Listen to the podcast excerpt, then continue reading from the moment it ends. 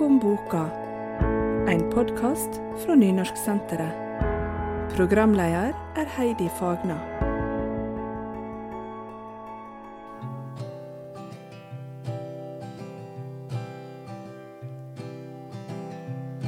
Er det en dag når regnet pøser ned, og du har ingen å være med?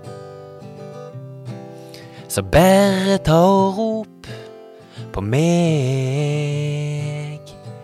så står jeg snart ved sida av deg, og jeg vil male himmelen blå. klippe ut ei sol og lima ho på. Og best av alt et magisk triks som stråler mange mil. Det er et smil.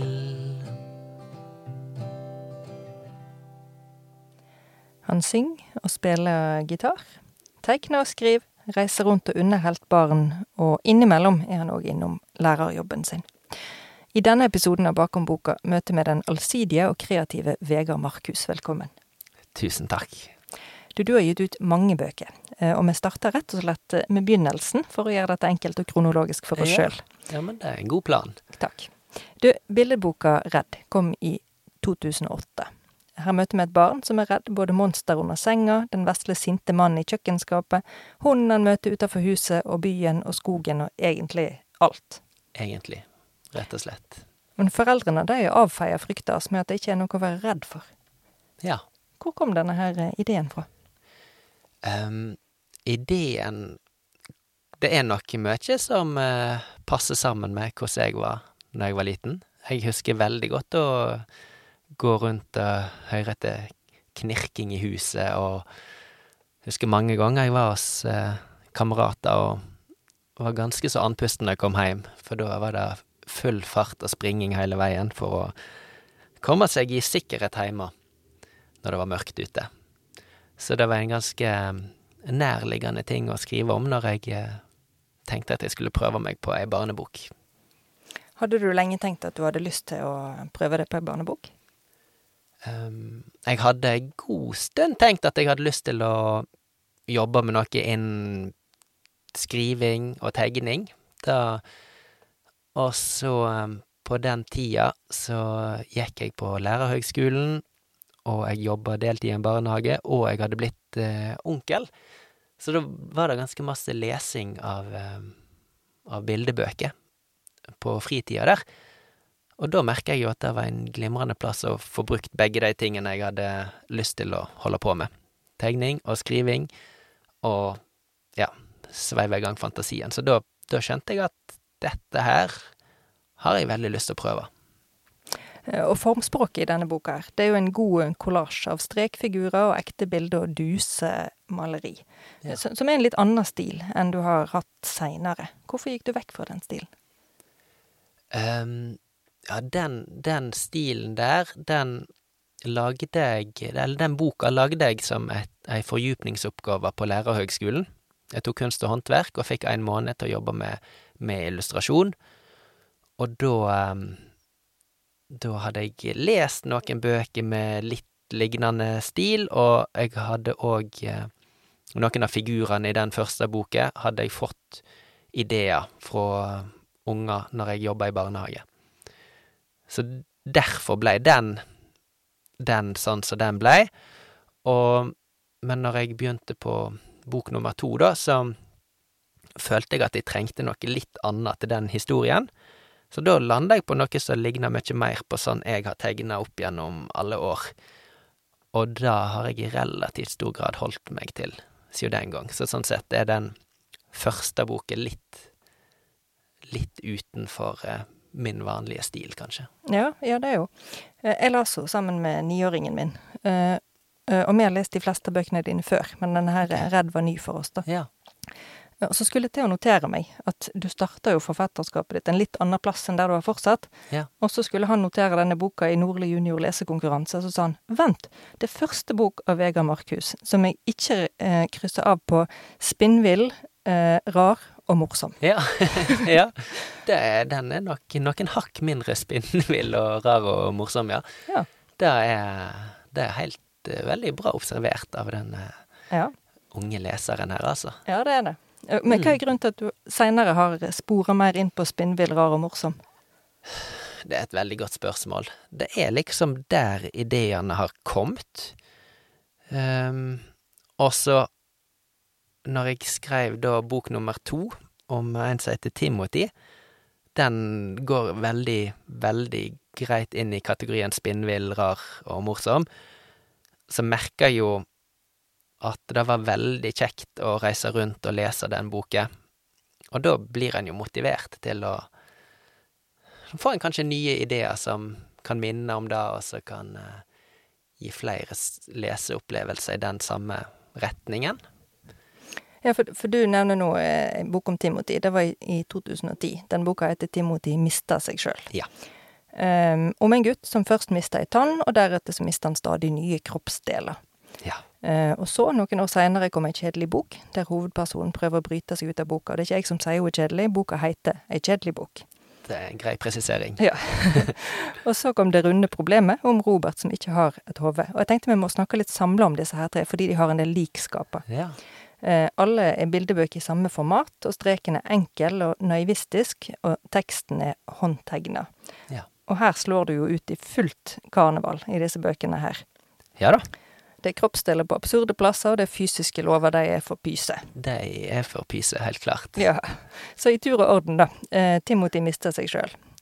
Eh, nei, ei kjedelig bok først. Ei, okay. I ei kjedelig bok prøver Ja. hovedpersonen gjennom hele boka å rømme fordi det er så kvitt og kjedelig der. Og først når han klarer å komme seg ut av boka, så kjenner han at han vil inn igjen. For det er jo tross alt mange ting han kan gjøre for å sette farge på livet. Mm. Dette er jo litt sånn livsvisdom for de yngste. Ja. Forstår de det? Ja, jeg tror det.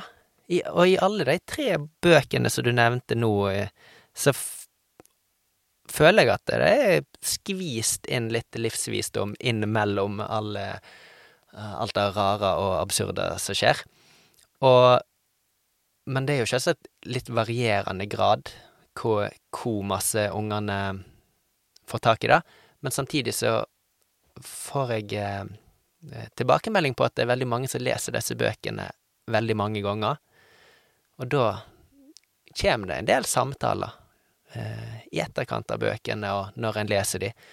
Så jeg tror det Ja, jeg tror det har noe for seg.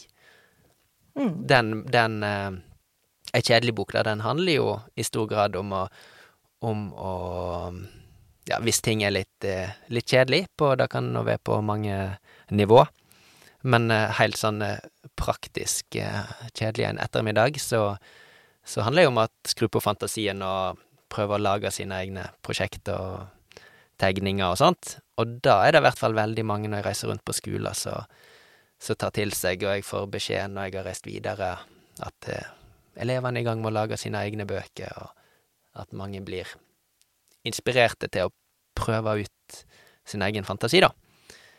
Se om de òg kan lage et eller annet artig. Mm.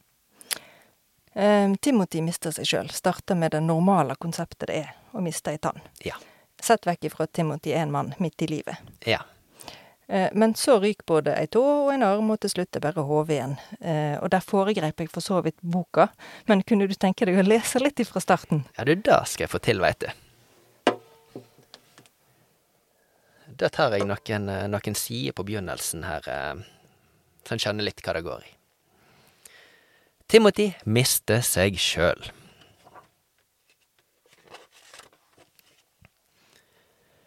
Timothy bor aleine i skogen. Det har han alltid gjort. Timothy liker at alt er sånn som det alltid har vært. En dag mister Timothy ei tann. Han vært redd. Timothy liker ikke at han har begynt å falle fra hverandre.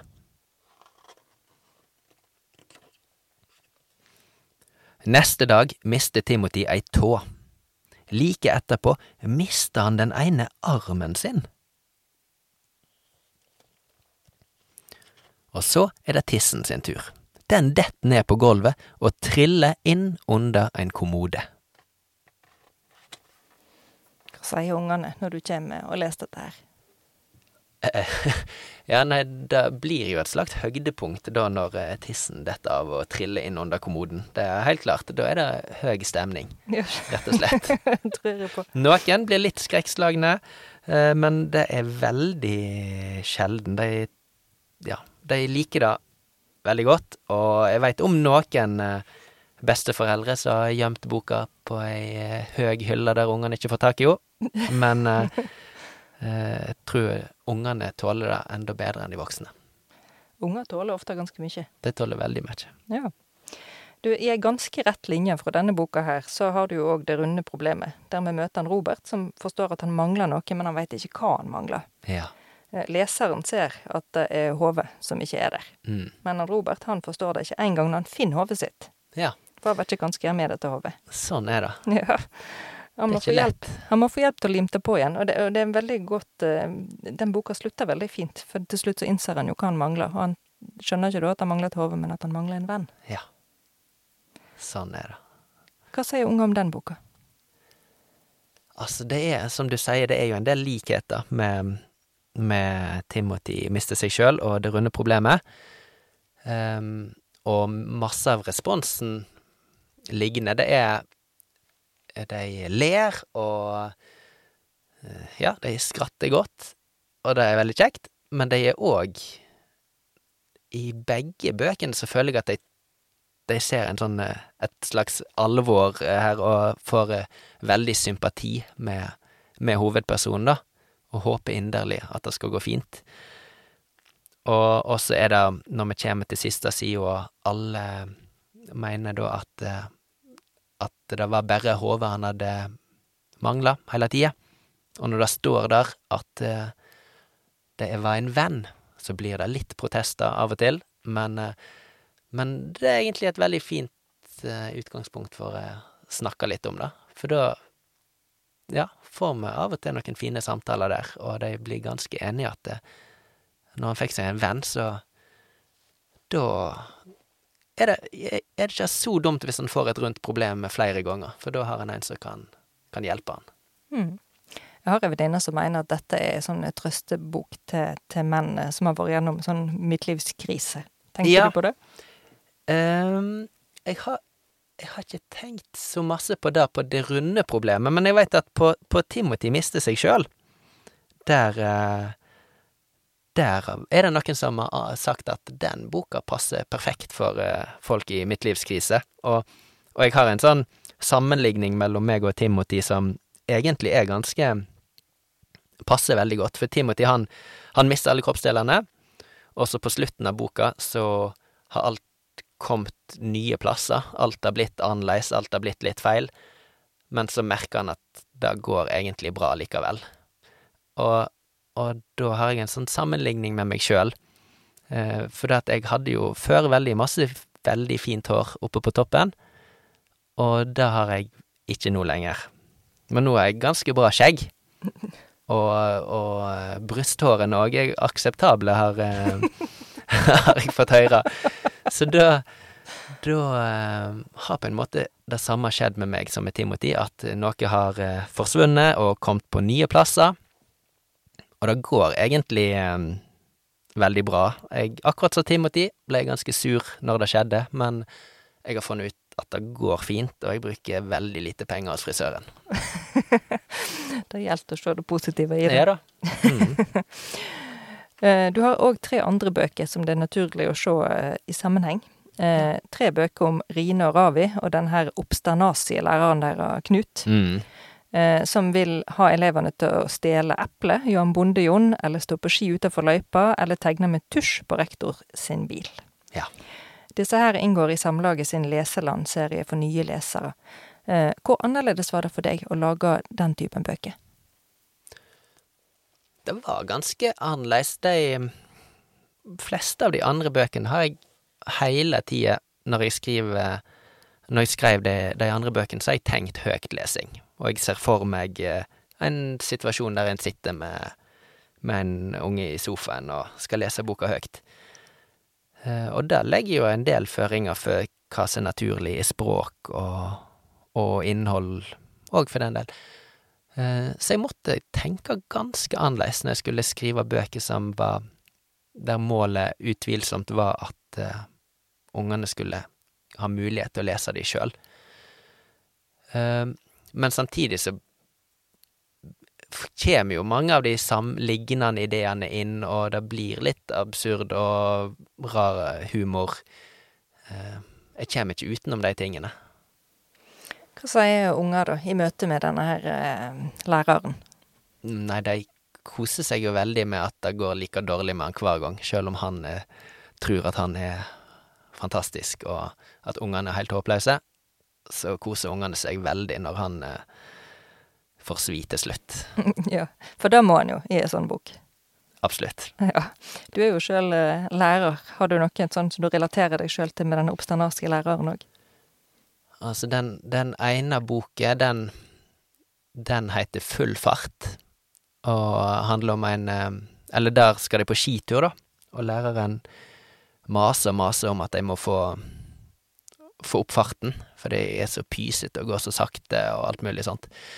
Men um, uh, Så i ettertid så har jeg jo merka at jeg, når jeg er på jobb, så sier jeg litt for ofte de samme tingene som lærer Knut. Og det er litt ubehagelig å merke at en fort glir inn i sånne litt sånne masete voksen, voksenrolle sjøl òg. Um, men så er det jo noen ting med Lærer-Knut som jeg liker godt. Jeg liker jo godt at det skal være litt rom for kaos og action på skolen òg. Og de tingene blir jeg bare glad hvis jeg merker at jeg har litt av de òg. Så hvis noen eh, av foreldrene i din klasse hører på, så skjønner de at de må aldri sende ungene på skidag med deg? Jo, altså, det, jeg tror det er helt trygt. Men uh, ja, de skidagene, de er ganske de, de, er veldig fine. Men det, det er mer sånn i hverdagen, da blir det ofte sånn ting tar ganske lang tid hvis du skal ha med deg uh, eh, 25 unger fra rom til rom, og da er det veldig fort gjort å bli en litt masete fyr. Ja, det kan være på sin plass òg. Det trengs det av og til, men ja, en må finne balansen.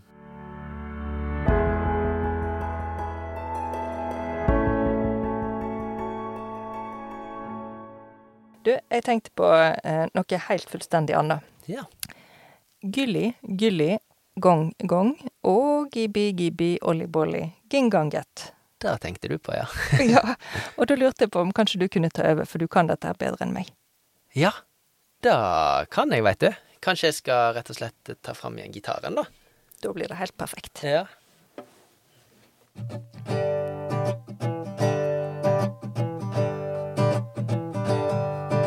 Det kom en grønn mann i en ufo en gang. Han var ganske blid, og han tralla og sang. Og alle lurte på hvorfor mannen var så glad. Da peika han på himmelen og sa gyli gyli gong gong. Og gibi gibi olli bolli ginganget. Og gabba gabba hei hei, oh yeah, og alle skjønner at han hadde rett. Det var veldig fint å høre på. ja. Vil du oversette det til vanlig norsk? Ja, nei, Det som er så fint med den der, er at det fins ingen uh, oversetting. Så der må ungene og de voksne rett og slett uh, bruke sine Ja, det er en måte å ha fantasi og innbille seg hva det kan handle om. Hele denne her sangen med animasjoner ligger på YouTube, med tittelen Gylli Gylli Gong Gong. Ja. Her møter vi romvesenet Olli-Bolli, som har eksistert i mange år, i alle fall i denne filmen og som i 2023 fikk sin egen bok. Ja. Hvor lenge har du kjent Olli Bolli?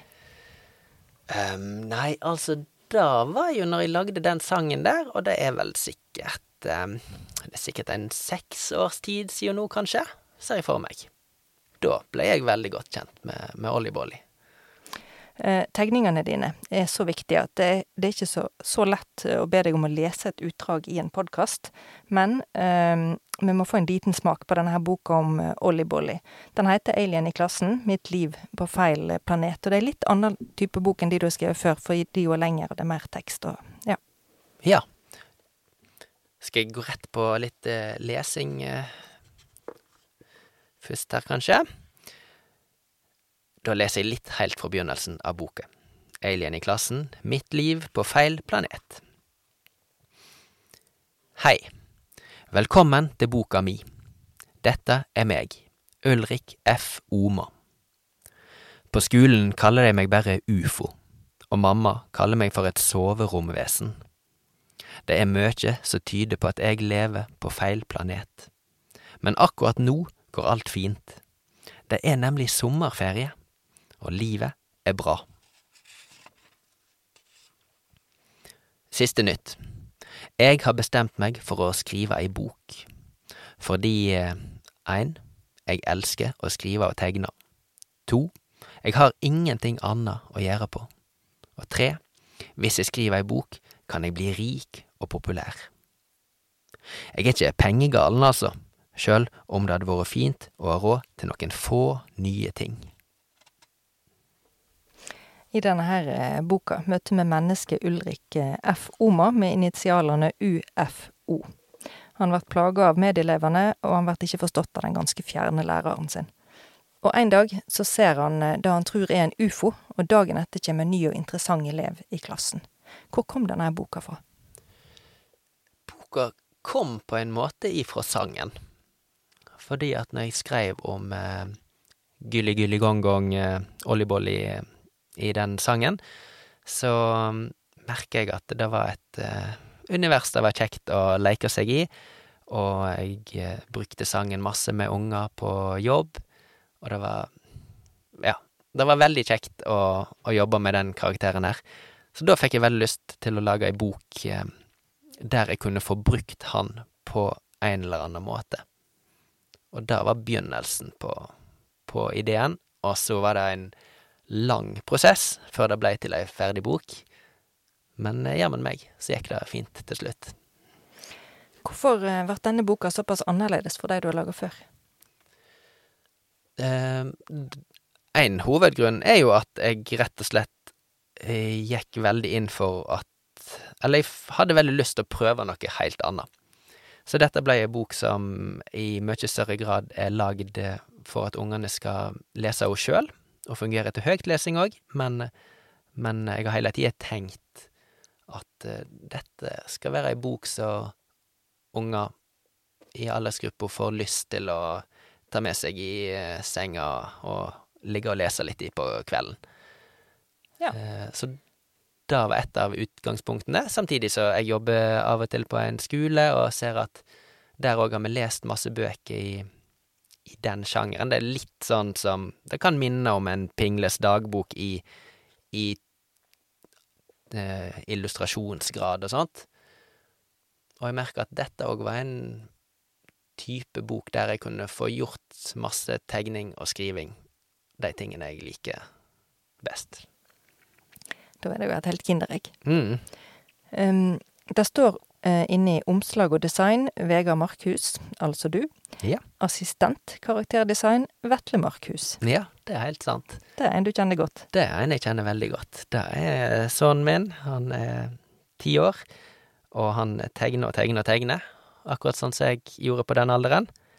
Og han eh, lager veldig stilige figurer, så da så jeg at han hadde tegna noen ting som kunne passe inn i, inn i boka, og da fikk jeg han til å Bestilte jeg noen tre karakterer av han, så han tegna for meg, og så tok jeg de med inn i boka. Hva for noen karakterer var det, da? Det er mm, to av klassekameratene til Ulrik. De er ikke særlig sympatiske, men de er absolutt eh, med i historien. Og så er det òg en um, onkelen til, um, til en som heter Bob.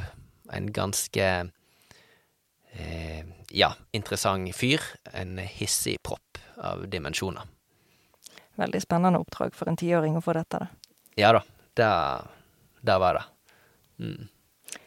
Eh, Bakpå boka så står det at Alien i klassen er ei bok om å aldri gi opp, uansett hvor feige laga er! Utropstegn.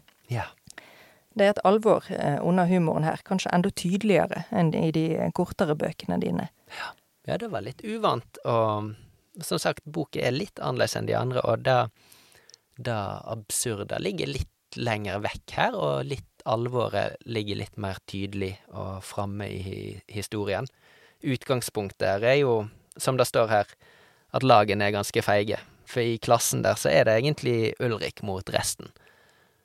Og sånn skal det jo ikke være. Nei. Og han Ulrik, det er, jo, det er jo ikke bare at han er mot rest, men han blir jo uh, bølla med. Han blir Absolutt. jo mobba her. Det blir han. Ja. Er det noe du har hatt en plan om? At nå skal jeg skrive ei bok eh, som handler om mobbing? Det vokser litt fram i, i prosessen, men, men, eh, men det var òg utgangspunktet at han, at han var litt, litt for seg. At han følte seg eh, som en alien i klassen. At han ikke følte han, han uh, passa inn helt. Og um, Ja, så da var mest utgangspunktet, da. At han følte seg som en alien i klassen. Følte seg rett og slett helt aleine, både, både i klassen og på jorda generelt. Bakom boka. En podkast fra Nynorsksenteret. Hvis en slår opp i Store norske leksikon, så står det om eh, deg eh, på den sida om deg, Vegard Markhus. Ja. Eh, Forfatteren sitt særpreg ligger i samspillet mellom tekst og illustrasjoner. Sitat slutt.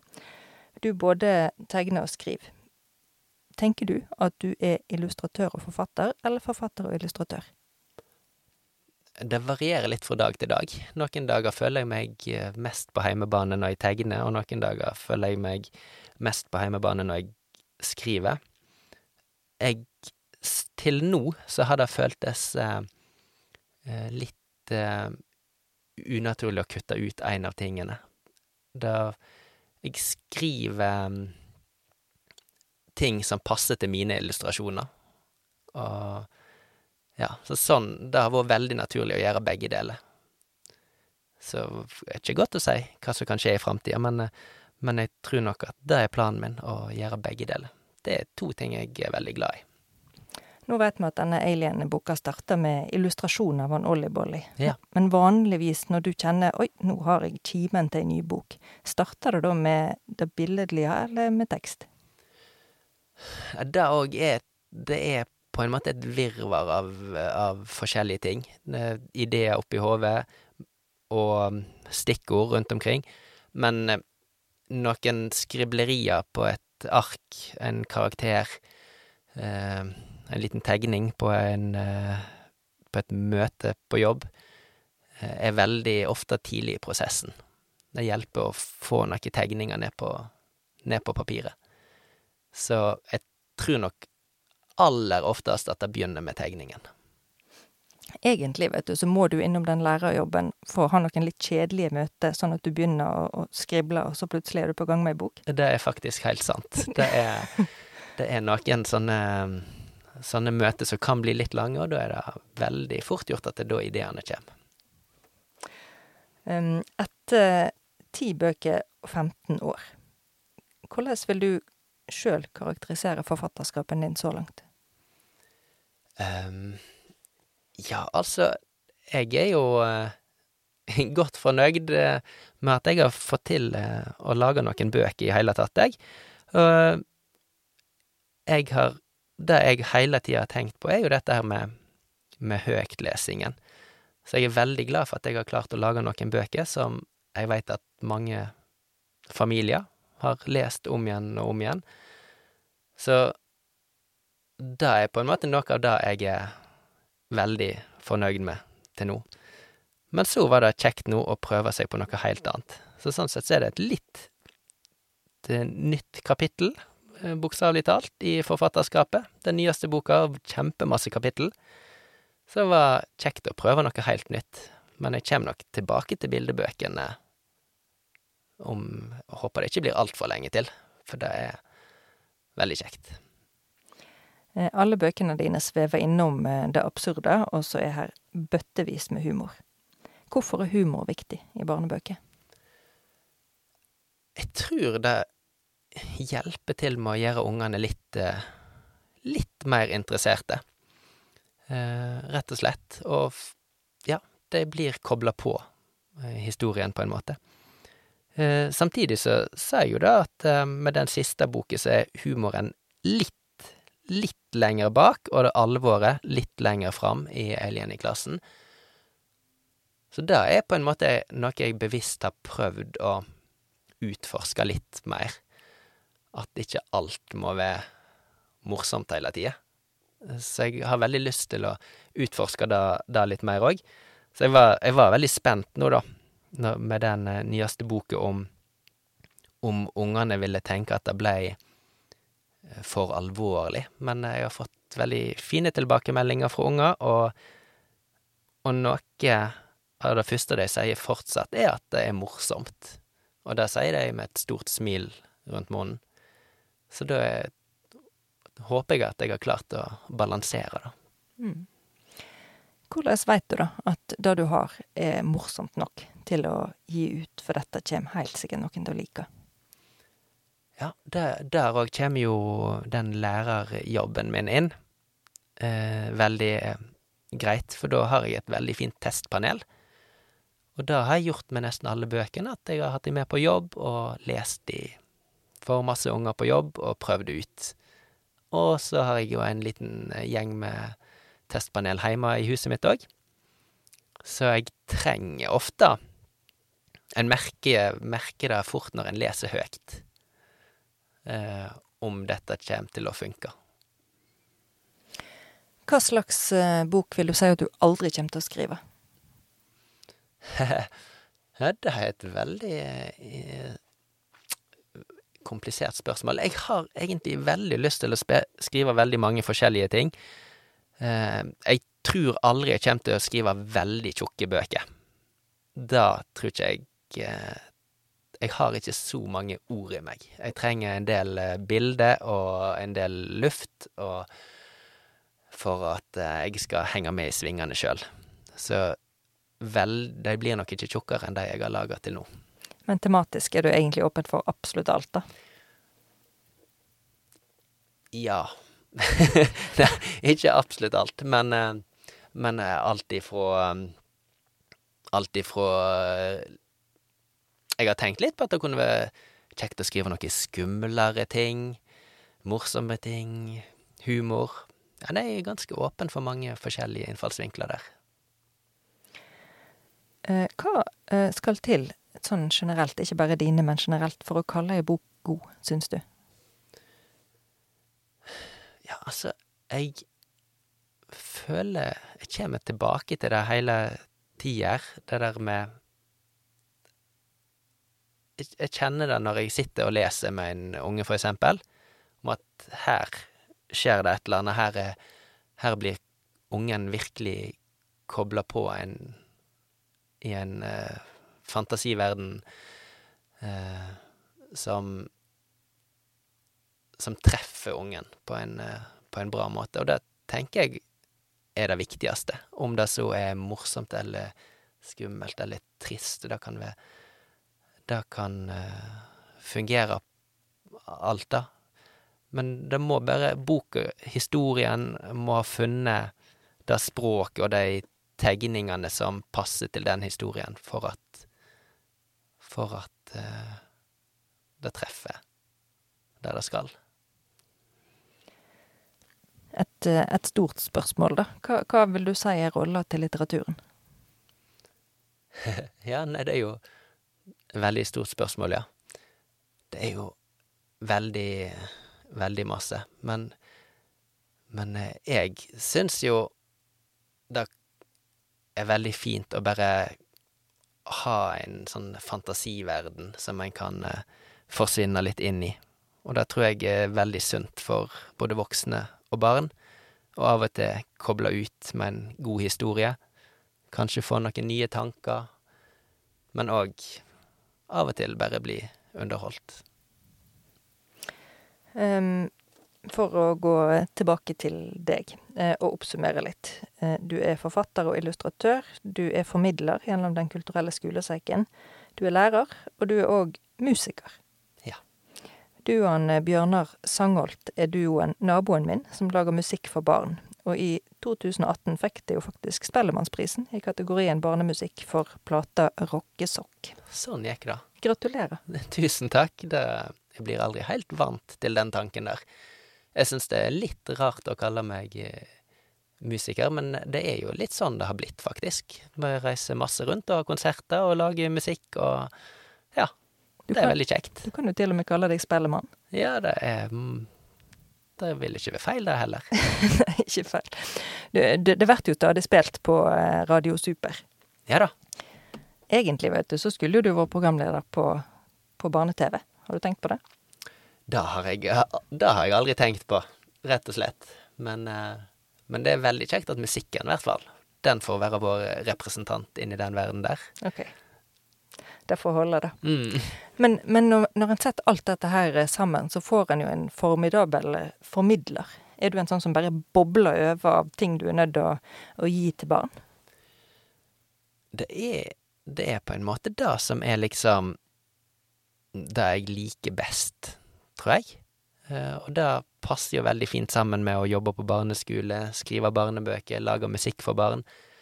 Jeg føler på en måte det er heimebanen min, og, og da når jeg får eh, reist rundt, for eksempel med Den kulturelle skolesekken eller rundt på bibliotek, så er det noe av det, noe av det kjekkeste jeg veit, å få ja, lest og spilt med ungene og ja, laga fine, fine stunder.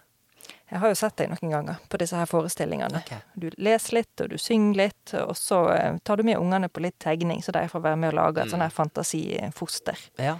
Og det jeg har sett, har i hvert fall vært at det har slått veldig godt an, da. ja, det pleier å, det pleier å bli veldig kjekt, og jeg får utfordre meg og eh, tegne på bestilling for ungene, og da veit du aldri hva som blir bestilt. Så jeg får eh, virkelig, virkelig tyna meg der. Men det, det er veldig kjekt. Så nei, jeg liker det veldig godt. Jeg er jo ikke Jeg er egentlig en, en mann av litt få ord sånn utenom. Eh, så jeg er egentlig veldig overraska over at jeg liker den tingen. Jeg hadde aldri trodd når jeg var yngre, at jeg skulle like å å være på en scene, for eksempel. Men eh, akkurat i den settingen der, og hvis det er mest mulig unger i publikum, da er det rett og slett veldig kjekt. Prøver du av og til å kaste ut de voksne? Um, jeg har ikke gått aktivt inn for å kaste de ut, men jeg blir veldig glad hvis de ikke er der. Når oppdager du da at, at selv om du kanskje egentlig ikke likte det så godt, så, så likte du det likevel?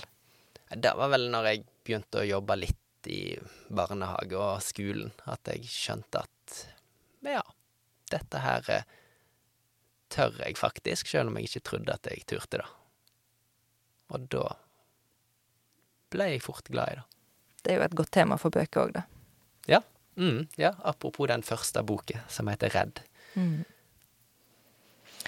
Em, for å avslutte òg, da, med et stort eh, spørsmål. Vegard Markhus, hva burde alle mennesker vite om livet? Det var et av de største spørsmålene jeg eh, Ja, nei, det, den er, er vanskelig. Jeg eh, føler jo at det er veldig få ting som er så lett å vite noe som helst om.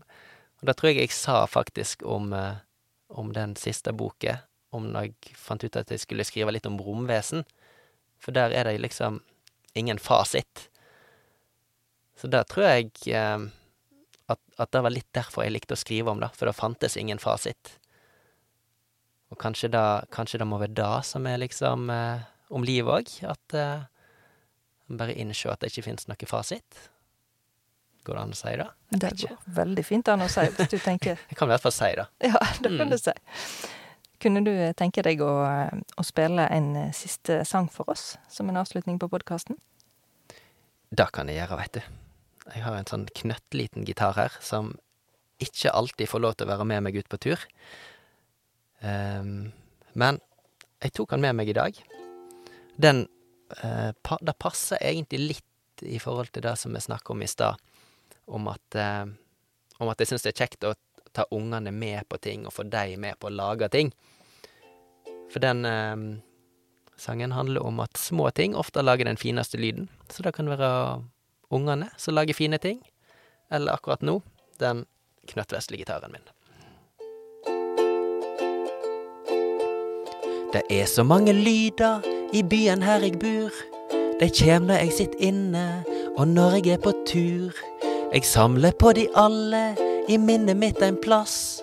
Nå har jeg ganske mange. Det er så mye lyd rundt omkring. Lyd som kjem for forskjellige ting. Men den fineste lyden på jord, den kjem fra ein som ikke er stor.